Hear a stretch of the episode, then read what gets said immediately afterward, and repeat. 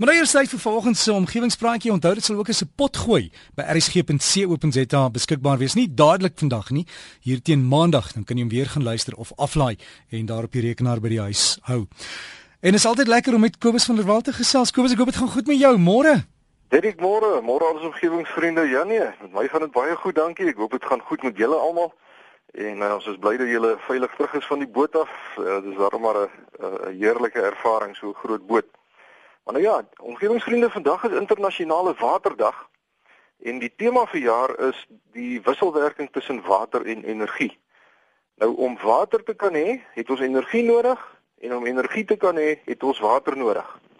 Dis die eerste ding wat ons moet besef. Die twee goed is gekoppel. Die tweede een, watervoorrade is beperk en dit is besig om af te neem. Dis wêreldwyd.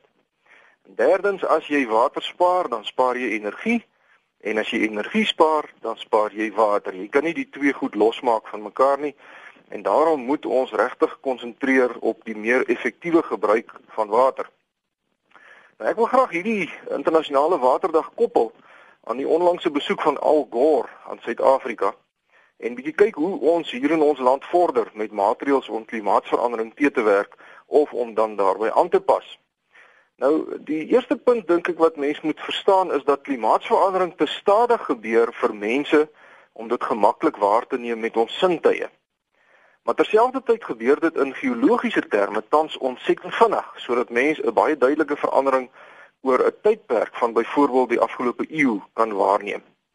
Nou omgewingsvriende sal miskien onthou dat daar uh, so oor die draai van die jaar nogal 'n groot gewag gemaak is van die feit dat daar in 2013 60% meer ys op die noordpool was as wat daar in 2012 was. En toe sê die skeptici baie vinnig dat al Gore nonsens praat en dat klimaatsverandering eintlik sommer nou nonsens is.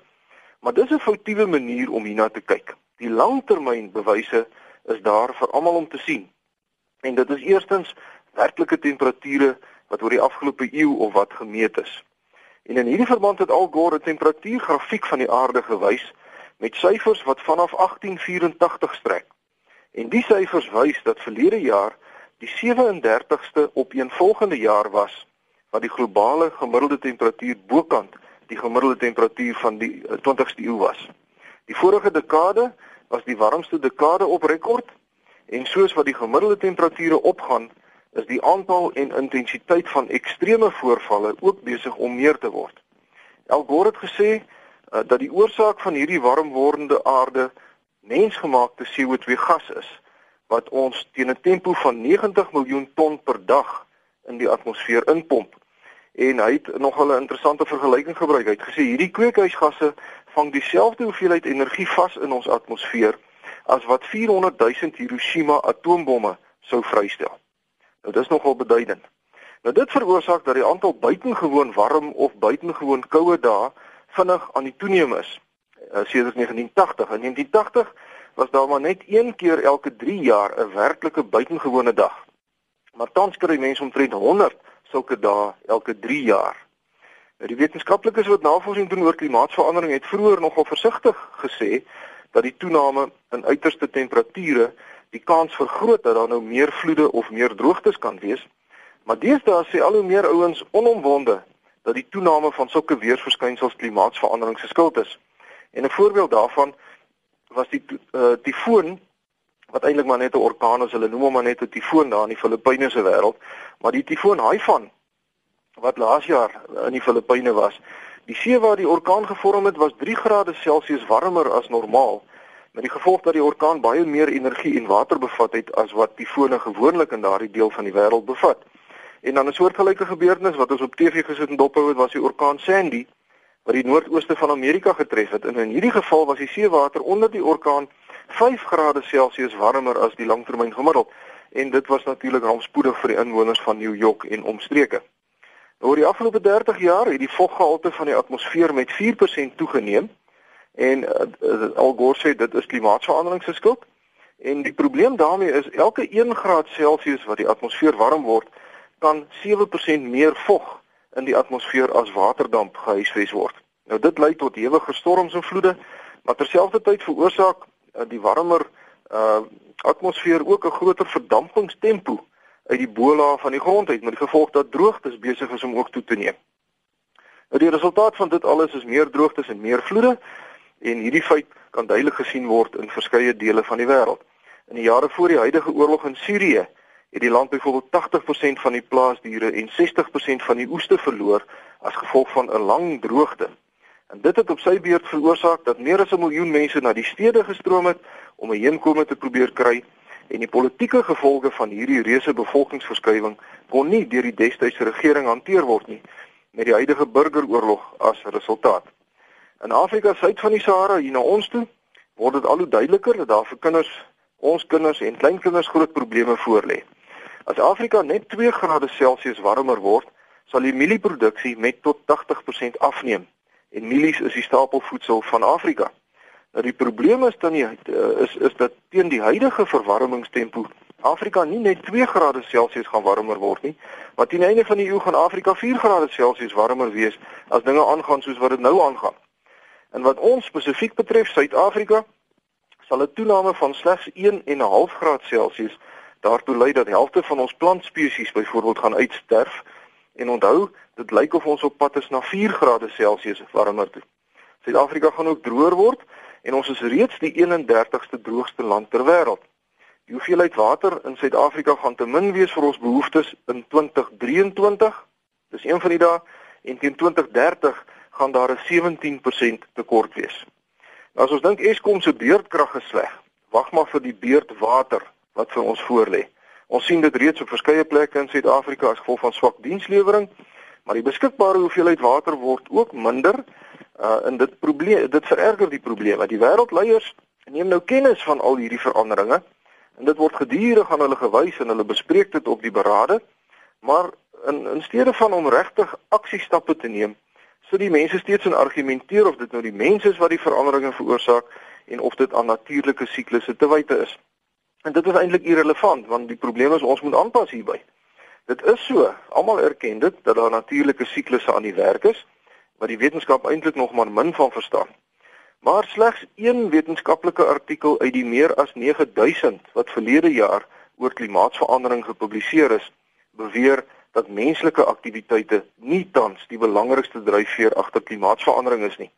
Al Gore het gesê dat alle lande al lankal moes begin kyk het oor hoe ons die vrylating van kweekhuisgasse kan inperk en hoe ons kan aanpas by die verander, veranderende klimaat.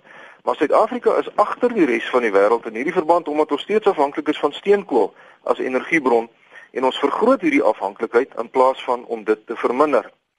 Hy sê oor 6 jaar sal 80% van die wêreld se bevolking in lande woon waar dit goedkoper is om elektrisiteit van die son af te kry as van steenkool af. Maar hier by ons bou ons nuwe steenkoolkragstasies. Gesien in die lig daarvan dat Suid-Afrika die beste sontoestande in die wêreld het om elektrisiteit van te vervaardig en ook dat dit reeds 30% goedkoper is om elektrisiteit met wind op te wek as wat die elektrisiteit gaan kos wat Medupi vir ons gaan gee, is die pad waarop Suid-Afrika homself bevind verstommend kortsigtig. Veral gesien in die lig daarvan dat ons regering in 2009 'n belofte in Kopenhagen gemaak het uh, dat ons ons koolstofvrystellings teen 2025 met 42% sal sny. Nou in 2010 het die regering toe wel uh, die wette nou strenger gemaak, maar hulle het dan ook 'n grasietydperk tot 2020 vir besighede gegee om nou te voldoen aan die nuwe eh, aan die nuwe wette. En dis dan ook natuurlik veral vir Eskom. Uh, daar is kans gegee dat Eskom geleidelik kan aanpas by die nuwe strenger regulasies. Maar twee weke gelede het Eskom Eskom vir 'n vrystelling van die nuwe regulasies aansoek gedoen vir 16 van die huidige kragstasies. Nou, dit kan mense dalk nog verstaan omdat hierdie kragstasies oud is en oneffektief is en in elk geval die einde van hulle lewensduur gaan bereik so in die middel 2020s. Maar wat regtig verstommend was, is dat Eskom ook aansoek gedoen het vir vrystelling van die regulasies vir die splinternuwe Medupi kragstasie wat nog nie eers begin werk het nie. Nou toe die Wêreldbank 'n lening gegee het vir die bou van Medupi, was een van die voorwaardes dat die skoorsteengasse van Medupi aan streng standaarde moet voldoen. Maar nou sê Eskom in hulle aansoek om vrystelling dat dit nie prakties moontlik of voordelig vir Suid-Afrika is om ten volle aan die minimum uitlaatgas standaarde te voldoen nie. Uh en hulle sê hulle sal eintlik eers die standaarde teen 2027 kan nakom omdat daar tans nie genoeg water in die Waterberg area is nie. En nou is ons terug by internasionale waterdag. Om energie te kry het jy water nodig en om water te kry het jy energie nodig. As mens die prentjie van die droër wordende Suid-Afrika wat ek vroeër geskets het, by Eskom se aansoek om vrystelling voeg, dan klop die dinge eenvoudig nie. Die die min water in die Waterberg gaan nog minder word en nie meer nie. So waar Eskom dink dat hulle meer water vandaan gaan kry teen 2027 is vir my 'n raaisel. Uh Eskom se ou kragstasies is 'n reuse probleem. Ehm um, en daar is selfs uh uh, uh publikasies soos byvoorbeeld Greenpeace wat sê dat dit lei direk tot die die sterf van mense. Maar nou moet ek daarom dadelik sê dat Eskom uitstekende werk doen op die gebied van die meer effektiewe gebruik van energie en elektrisiteit. So ons hoop regtig dat hulle hierdie dilemma sal kan oplos tot voordeel van almal. En die probleem is natuurlik geld. Ons wil goedkoop elektrisiteit hê, maar dit kos ongelukkig baie geld om aan die uh uitlaatgasstandaarde te voldoen. En ek wens vir Eskom alle sterkte toe en neem asseblief die korrekte besluite ter wille van ons kinders en ons kleinkinders. Onthou ons omgewingsvriende, elke stukkie afval wat jy hersirkuleer, elke energiebesparende gloeilamp, elke liter petrol wat gespaar word en elke songeyser dra by om klimaatsverandering te te werk. En dis elke mens se plig om dit oorgawe hieraan mee te doen ter wille van ons nageslag. Omgewingsvriende kan gerus vir my skryf. My rekenaaradres is kobus.vanderwalt@nwu.ac.za of ek is by die fakulteit Natuurwetenskappe, Noordwes Universiteit Potchefstroom 2520. Vriendelike groete tot 'n volgende keer. So gesels ons met professor Kobus van der Walt en daai e-posadres is kobus.vanderwalt@nwu.ac.za. kobus.vanderwalt@nwu.ac.za. Ons omgewingspraatjie. Kom ons hou dit groen.